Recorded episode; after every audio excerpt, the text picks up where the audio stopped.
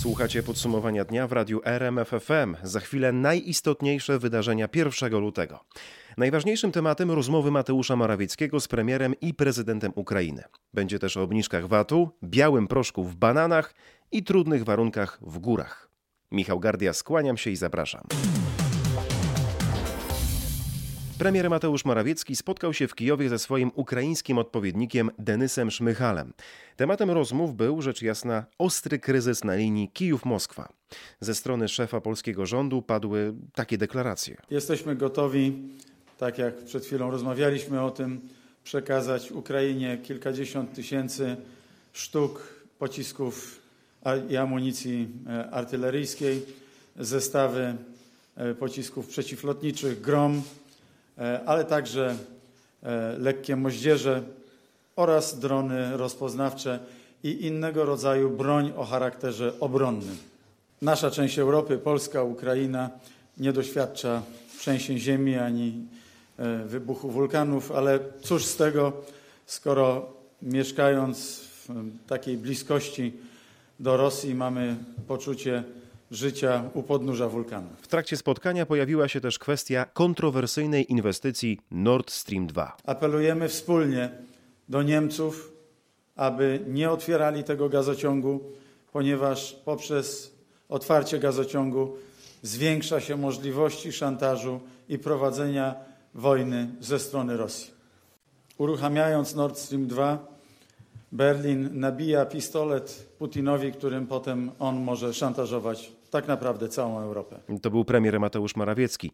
Na granicy ukraińsko-rosyjskiej od poniedziałku jest nasz specjalny wysłannik Mateusz Chłystun, który na własne oczy przekonał się, że Ukraińcy starają się nie myśleć o perspektywie wojny między Rosją a ich krajem. Przechadzając się wieczorem po oddalonym kilkadziesiąt kilometrów od granicy Czernichowie, moją uwagę przykuła grupa tańczących mimo mrozu w tutejszym parku seniorów.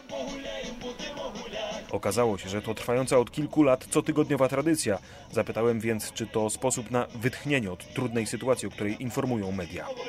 Ми для цього живемо, щоб ніч переночував і говорив: О, спасибо Богу. W naszym wieku to już żyjemy z dnia na dzień. Rano się budzisz i mówisz dziękuję Bogu, że przeżyłem i czeka mnie kolejny dzień. Ми не будемо. A tu żadna wojna nam nie potrzebna, nie będziemy o niej myśleć. Jak myślisz o wojnie, to ją przyciągasz. Do nas żadna wojna nie przyjdzie, tłumaczy mi pani Maria, która przewodzi spotkaniu seniorów. Jej koleżanka patrzy jednak na tę sytuację nieco chłodniej. I dzieci tam, i Bliskie. Mam tam w Rosji dzieci i bliskich. Nikt nie chce tu żadnej wojny. Usłyszałem od pani Lidii w parku przy Alei Bohaterów w Czernichowie. Pomoc humanitarna od Polski dla Ukrainy została we wtorek oficjalnie przekazana w Kijowie przedstawicielom tamtejszego Ministerstwa Spraw Nadzwyczajnych. To sprzęt medyczny, łóżka polowe czy koce przekazane przez Agencję Rezerw Strategicznych. Do kogo ostatecznie mają trafić te dary? Jak informuje szef kancelarii premiera Michał Dworczyk, do uchodźców, którzy w przypadku ewentualnego konfliktu zbrojnego z Rosją będą musieli szukać schronienia. Mamy nadzieję, że nie będzie eskalacji sytuacji, która by powodowała, że pojawią się uchodźcy. Ukraina potrzebuje solidarności, zarówno w wymiarze tak politycznym, ale również bardzo praktycznym. A propos wsparcia politycznego, zapytałem ministra Dworczyka o sojusz między Wielką Brytanią, Ukrainą i Polską, zapowiadany m.in. przez ukraińskiego szefa dyplomacji. W tej chwili toczą się rozmowy na poziomie ministrów spraw zagranicznych o potencjalnym nowym formacie politycznym, ale zaczekajmy, aż te rozmowy zostaną e, sfinalizowane. Ukraiński minister spraw zagranicznych Dmytro Kuleba napisał dziś po południu w mediach społecznościowych, że ten trójstronny sojusz ma zostać ogłoszony jutro. Jego celem ma być m.in. wzmocnienie bezpieczeństwa, handlu i wspólny rozwój. Z Kijowa Mateusz Chłystun. Ukraina zwiększy liczebność armii o 100 tysięcy żołnierzy w ciągu trzech najbliższych lat. Prezydent Wołodymyr Załański podpisał we wtorek dekret w sprawie wzmocnienia zdolności obronnych kraju. Żołnierze mają zarabiać więcej i być na dłuższych kontraktach. Sam Załański podkreślił, że jego decyzja nie była podyktowana ewentualną wojną, ale chodziło mu o to, żeby w kraju był spokój. Również z prezydentem Ukrainy spotkał się we wtorek premier Morawiecki, a skoro to podsumowanie dnia, to podsumujmy raz jeszcze te oba spotkania. Zrobi to Maciej Sztykiel. Były wyrazy wsparcia ze strony Polski i wyrazy wdzięczności ze strony Ukrainy, ale na kurtuazji się nie zakończyło. Polska ma wysłać sąsiadom zestawy przeciwlotnicze, lekkie moździerze czy drony rozpoznawcze. Pomożemy też z dostawami gazu ziemnego, udzielimy także pomocy humanitarnej i będziemy rozwijać kolej na wschód. Jednocześnie premier Mateusz Morawiecki upomniał naszych zachodnich sąsiadów. Trzeba powiedzieć bardzo głośno. Nord Stream 2 stanowi potężne zagrożenie dla pokoju w całej Europie. Drodzy nasi partnerzy niemieccy, nie można jedną ręką podpisywać się pod wyrazami solidarności z Ukrainą w obecnym stanie, a drugą ręką certyfikować Nord Stream 2. I Ukraina, i Polska apelują o nieuruchamianie tego gazociągu. Premierzy obu państw poinformowali też oficjalnie, że pracują nad nowym formatem współpracy sojuszu Polska-Ukraina-Wielka Brytania. Przekaz ma być jasny. Wspólnie przeciwstawimy się ewentualnej rosyjskiej agresji. Pół godziny trwała rozmowa telefoniczna szefów dyplomacji USA i Rosji. Antony Blinken powiedział Siergiejowi Ławrowowi, że Rosja powinna wycofać wojska z nadgranicy z Ukrainą, jeśli rzeczywiście nie ma planów ataku. Waszyngton jest też zaniepokojony obecnością rosyjskich żołnierzy na Białorusi. Polecam słuchać RMFFM, radia RMF24 i odwiedzać naszą stronę internetową regularnie. Nasi dziennikarze non-stop zbierają najważniejsze informacje z kraju i ze świata. Konflikt Ukraina-Rosja cały czas pod lupą faktów. Ponad 39 tysięcy nowych zakażeń koronawirusem znalazło się w najnowszym raporcie Ministerstwa Zdrowia. To wzrost o ponad 5%, jeśli te dane porównamy z poprzednim wtorkiem. Z powodu COVID-19 zmarło 239 osób. O tym, jaka jest sytuacja na szpitalnych oddziałach, Michał Dobrołowicz. Jest duży wzrost liczby pacjentów w szpitalach w porównaniu do sytuacji, o której rozmawialiśmy o tej porze wczoraj. Dzisiaj na oddziałach covidowych jest to ponad 900 osób więcej niż wczoraj i są już pierwsze lecznice, które przekształcają się w te tylko dla osób z koronawirusem. Na przykład na Mazowszu. Tutaj ostatniej doby zakażeń było najwięcej, ponad 6 tysięcy. Tylko osoby z COVID-19 na Mazowszu przyjmuje szpital w Iłży. Tam, jak sprawdziłem, jest ponad 100 miejsc covidowych, w tym 12 dla dzieci, które też niestety chorują coraz częściej. No a jak te dane komentują eksperci?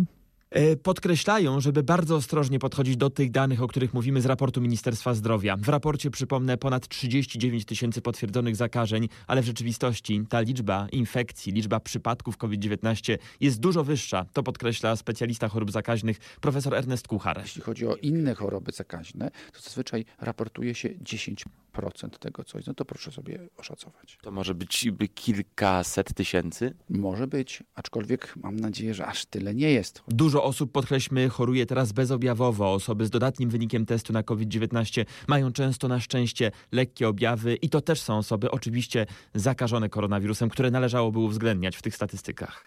Z Michałem Dobrołowiczem w radiu RMF24 rozmawiał Tomasz Weryński.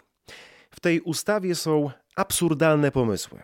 Tak, lekarze komentują projekt nowych przepisów o walce z epidemią, o której mówiłem we wczorajszym podsumowaniu dnia.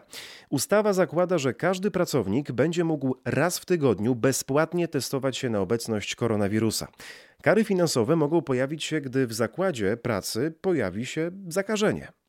Opinie lekarzy o tym pomyśle zebrał również Michał Dobrołowicz. Warto usunąć zapis o karach za to, że ktoś w firmie zaraził się koronawirusem. Tak przekonuje profesor Krzysztof Tomasiewicz. To nie o to chodzi, żeby kogoś obarczać e, odpowiedzialnością za zakażenie się innej osoby. Stykamy się z tak wieloma osobami, że naprawdę nikt nie jest w stanie dowieść tego, kto był źródłem zakażenia dla danej osoby. To jest absurdalny pomysł. Tak przekonuje specjalista chorób zakaźnych. W takiej formie jak do tej pory nowa ustawa według lekarzy nie ma szans na zastosowanie w praktyce.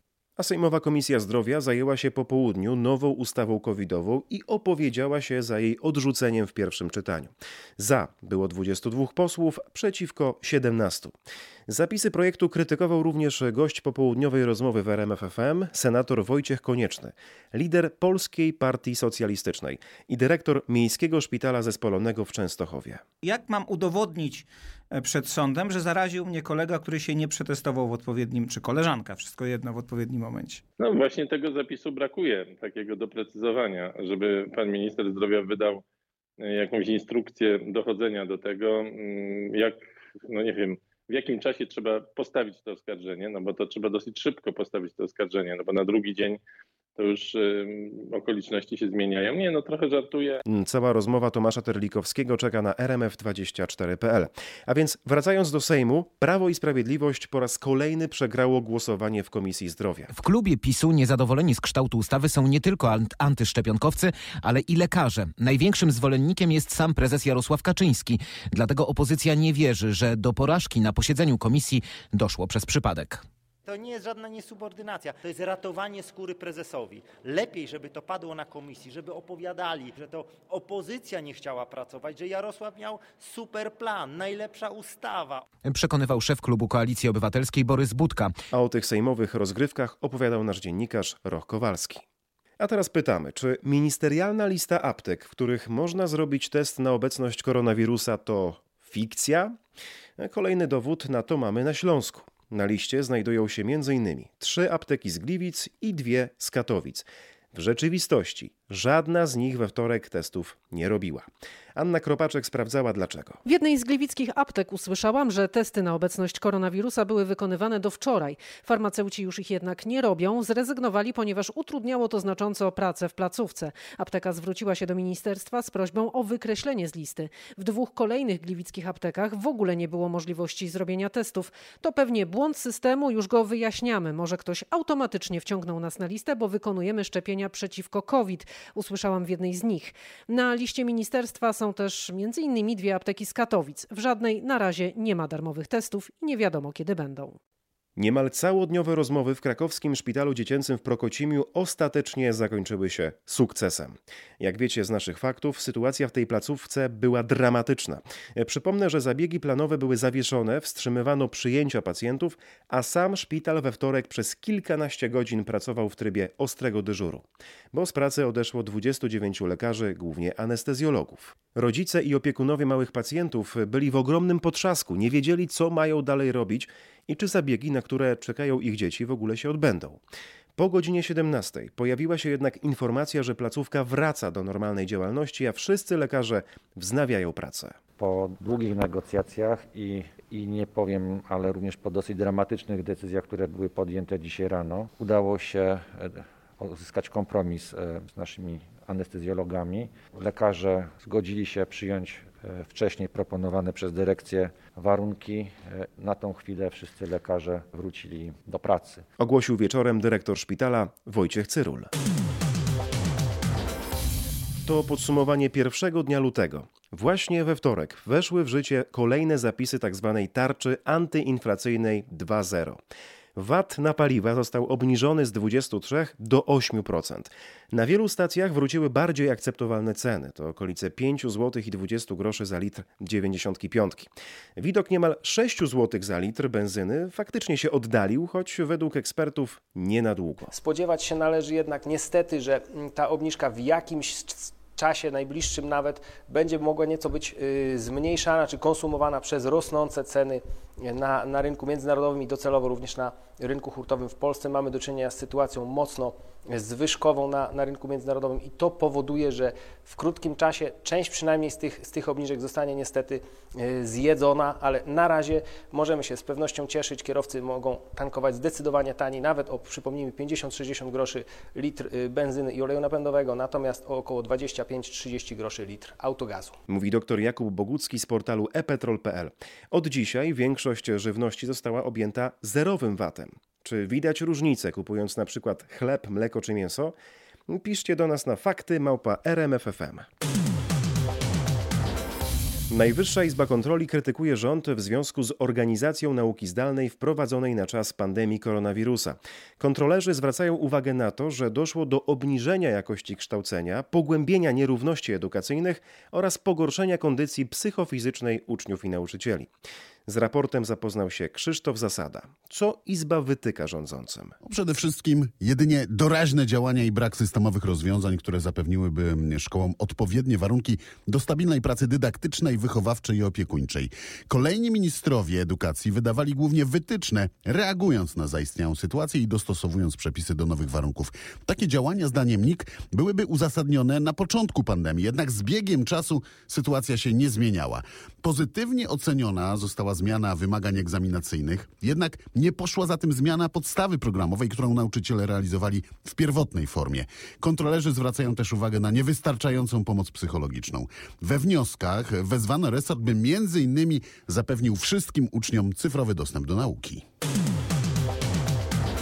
Śledztwo w sprawie przemytu narkotyków na dużą skalę wszczęła prokuratura okręgowa w Gdańsku. Tak dowiedział się reporter RMFFM. Chodzi o znajdowane w dostawach bananów paczki z podejrzanym proszkiem, prawdopodobnie kokainą.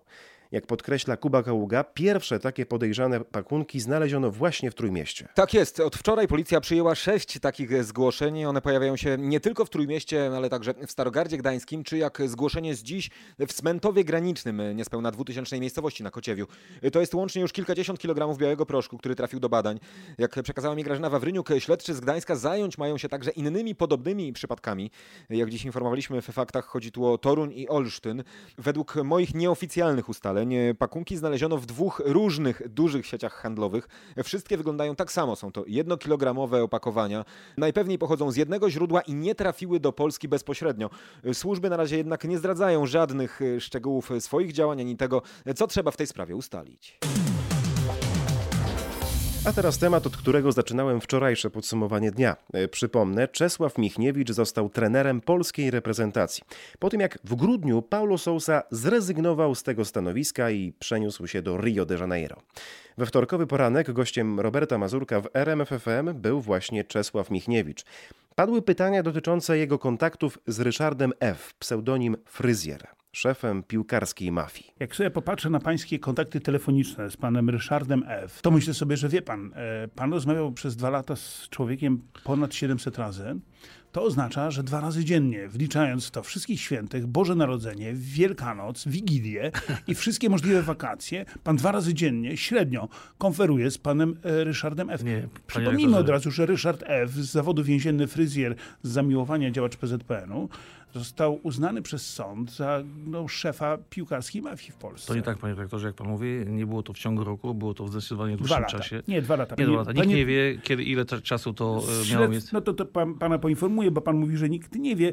Śledczy ustalili, że od lipca 2003 roku do października 2005 roku. To są dwa lata i sierpień, wrzesień, październik i trzy miesiące. Dwa I lata i, śledczy kwartał. też ustalili, że to nie były rozmowy, tylko próby rozmów, czyli rozmowy nieodebrane i tak dalej. Tak, mówili ma o tym, pan że... rację, tych rozmów mogło być znacznie więcej, dlatego Nie, że właśnie, tych rozmów mogło być znacznie więcej, dlatego że Ryszard F., czyli fryzjer, mm, z, używał również telefonów z prepaidu, nie tylko tego numeru, który wszyscy znali. I co z tego, panie rektorze?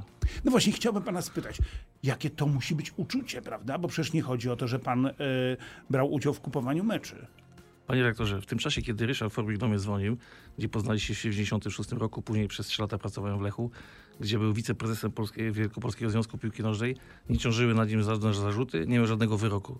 Był normalnie... Janusz Wójcik zeznał, że podczas te połączenia, z którego, który on się przysłuchiwał, bo pan, e, bo pan fryzjer zadzwonił jednocześnie do pana i do Janusza Wójcika. Jak się ma dwa telefony, to można taką telekonferencję zrobić. Otóż Janusz Wójcik zeznał, że fryzjer poinformował pana o tym, że mecz Lech-Świt, pan był trenerem Lecha, został sprzedany i panu podyktował skład, a, i teraz cytuję, pan wykazywał całkowitą podległość. Y, Nie chcę nic złego mówić na temat trenera Wójcika, bo po prostu nie żyje. Trener Wójcik też mówi, że jest niewinny w sprawie korupcji. Y, Sąd wykazał, że jednak jest winny, także nie chcę jak gdyby za bardzo brnąć to wszystko. Skład wystawiłem optymalny, co już udowadniałem wiele razy. Wystarczy poszukać w notatkach i mówienie o tym, że wystawiłem rezerwowy skład jest totalną bzdurą. Bo to jest tak, panu, tu, tu chciałbym, żeby to wybrzmiało jednoznacznie. Panu nikt nigdy nie postawił zarzutów. Pan był tylko świadkiem w sprawie, mało tego, sam się pan zgłosił do prokuratury, prawda? Nikt nie mówił, że pan sprzedał mecz, ale ten słynny mecz Lech-Świt, który Lech przegrał 0 do 1, w którym Świt przekupił wszystkich jak leci, naprawdę, zabrakło tylko, żeby przekupił Pana Boga, bo przekupił piłkarzy, piłkarzy Lecha, przekupił sędziego i przekupił obserwatora, obserwatora PZPN-u, który miał napisać, że wszystko było ok. No więc, wie pan, pan, nikt nie mówił, że pan wziął pieniądze, ale pan wtedy wierz- wiedząc, wierząc Wójcikowi, wiedział, że, że, mecz jest, e, mm, że mecz jest ustawiony. Ale nawet jeśli nie wierzylibyśmy Wójcikowi, no to jak się spojrzy na biddingi fryzjera, który dzwoni ciągle, na dwa dni przed meczem, dzwoni do pana i do Wójcika, zaraz potem do pana i do Wójcika, do Wójcika, zaraz potem do pana. Po kilka razy dziennie. O czym rozmawialiście? O tym, jaka w maju pogoda?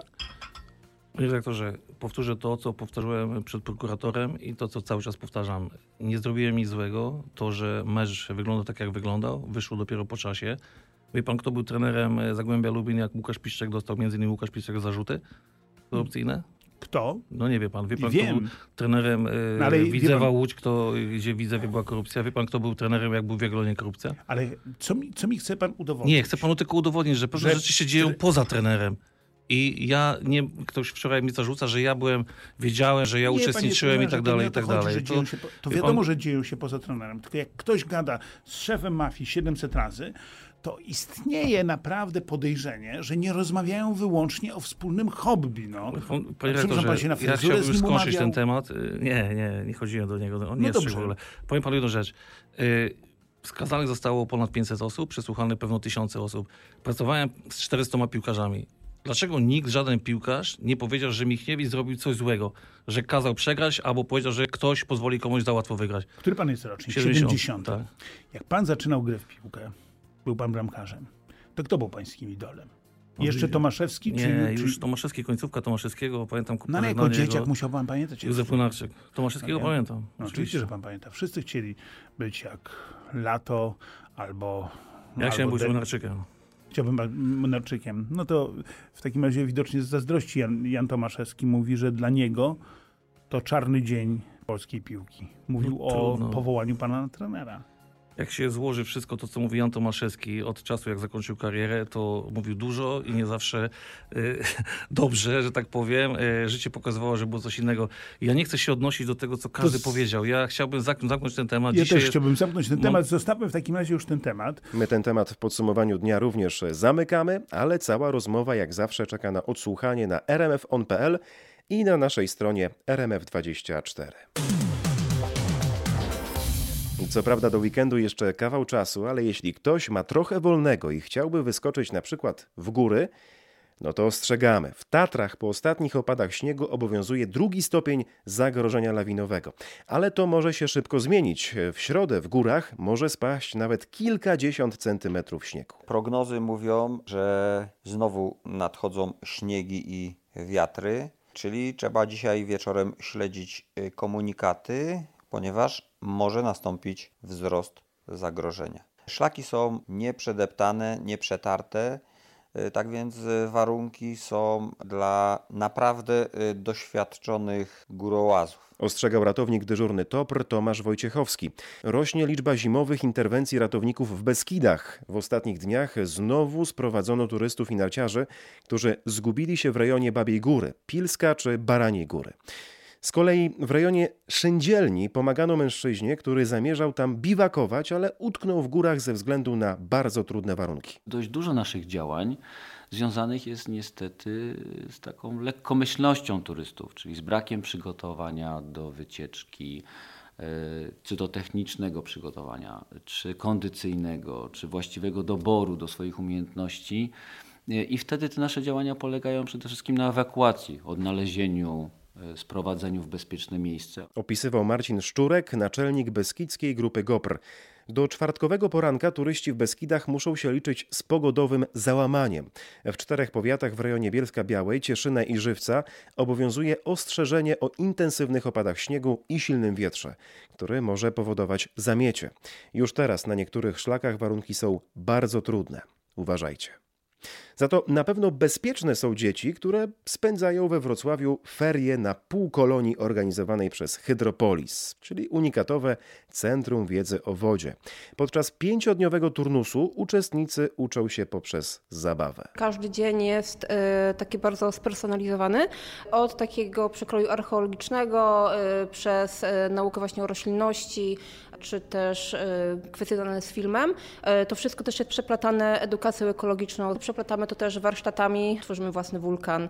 E, także każdy dzień jest bardzo mocno urozmaicony. Fajnie było, bo odkrywaliśmy różne rzeczy. Pani dawała do miski jakieś kamyki i musieliśmy wyciągać z tych kamyków różne klocki. Mówiły Grażyna Kryńska, kierownik półkolonii dla dzieci, organizowanej przez właśnie wrocławskie Hydropolis i jedna z zadowolonych uczestniczek.